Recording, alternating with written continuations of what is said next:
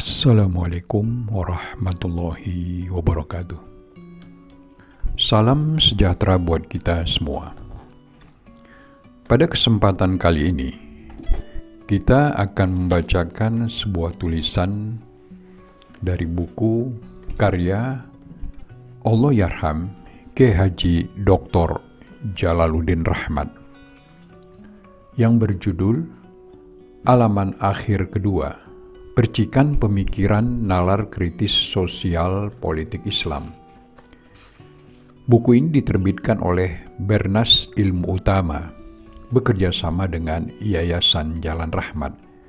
Cetakan pertama, Desember 2022. Kita akan membacakan sebuah tulisan yang ketujuh dengan judul Silaturahim. Apa bedanya orang kampung dengan orang kota? Untuk menjawab soal ini, Jimbardo membuat eksperimen aneh. Ia meletakkan mobil bagus di pinggir jalan di Bronx area, New York. Kap mobil dibuka untuk memberikan kesan mobil itu rusak. Tak ada seorang pun berada di situ Mobil dengan keadaan yang sama diparkir di daerah pedesaan Palo Alto, California. Dari jauh, peneliti mengamati apa yang terjadi pada keduanya. Di malam pertama, sekelompok anak muda mempreteli bagian-bagian mobil di Bronx area. Ketika matahari terbit, mobil itu sudah tampak seperti mobil korban kecelakaan.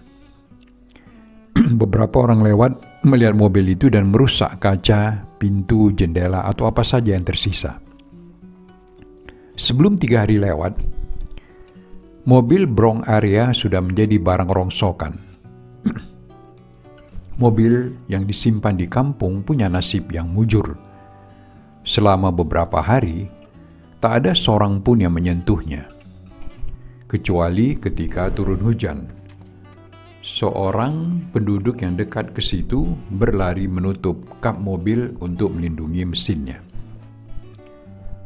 Jimbardo, psikolog sosial ahli agresi itu pun membuat beberapa kesimpulan.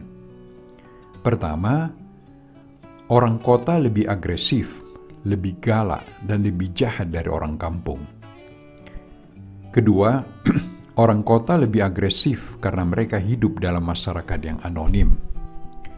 Di kota, manusia menjadi serigala bagi manusia lain.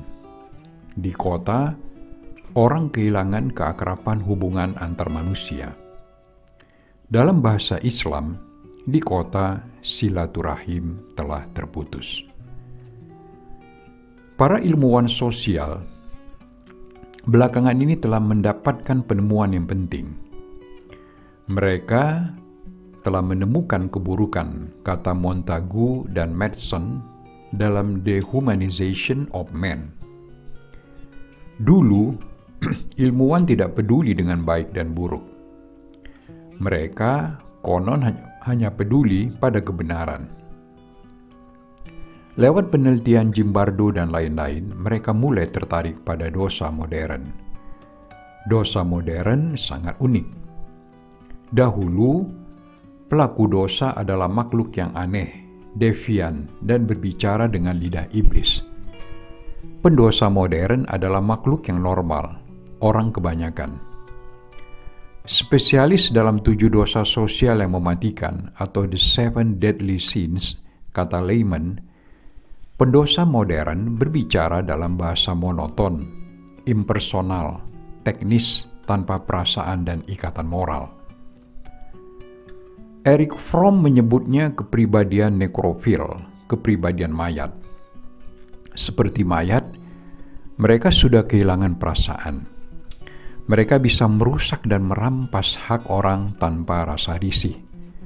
Mereka menyiksa dan membunuh orang tanpa rasa iba mereka bisa menonton penderitaan dan tindakan kekerasan tanpa rasa simpati.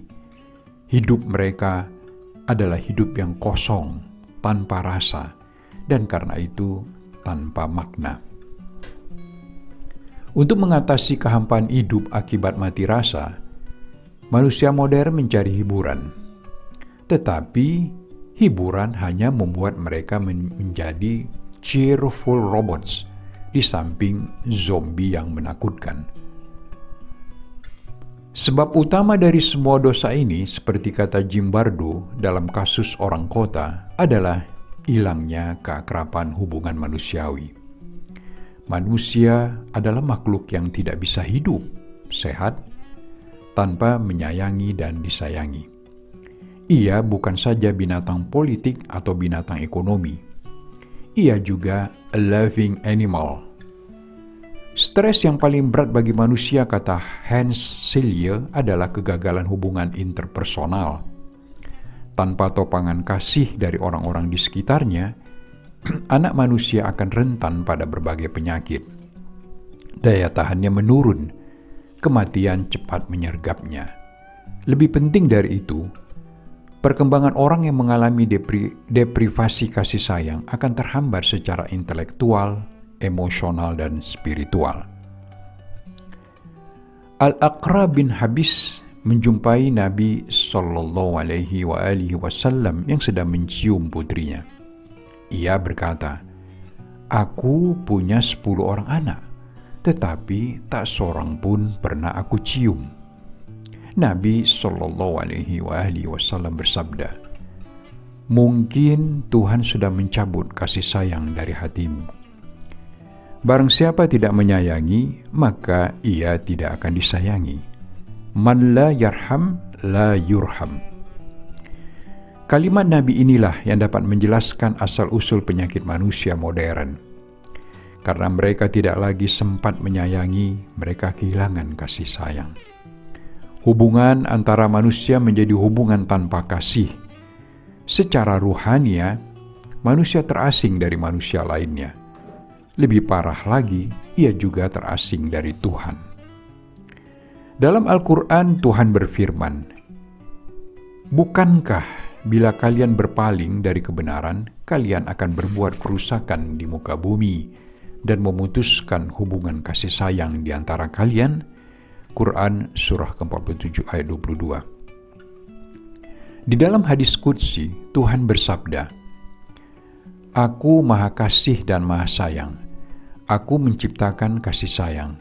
Aku berikan kepadanya namaku. Barang siapa menyambungkan kasih sayang, maka aku akan menyambungkan diriku dengannya. Barang siapa memutuskan kasih sayang, aku pun akan memutuskan hubunganku dengannya. Jadi, apa bedanya orang kampung dan orang kota? Orang kampung masih berhubungan dengan Tuhan, dan Tuhan masih berhubungan dengan mereka. Maka, bergunalah sekali-sekali kita pulang kampung, mudik, untuk menemukan kembali kasih sayang. Salam sehat buat kita semua.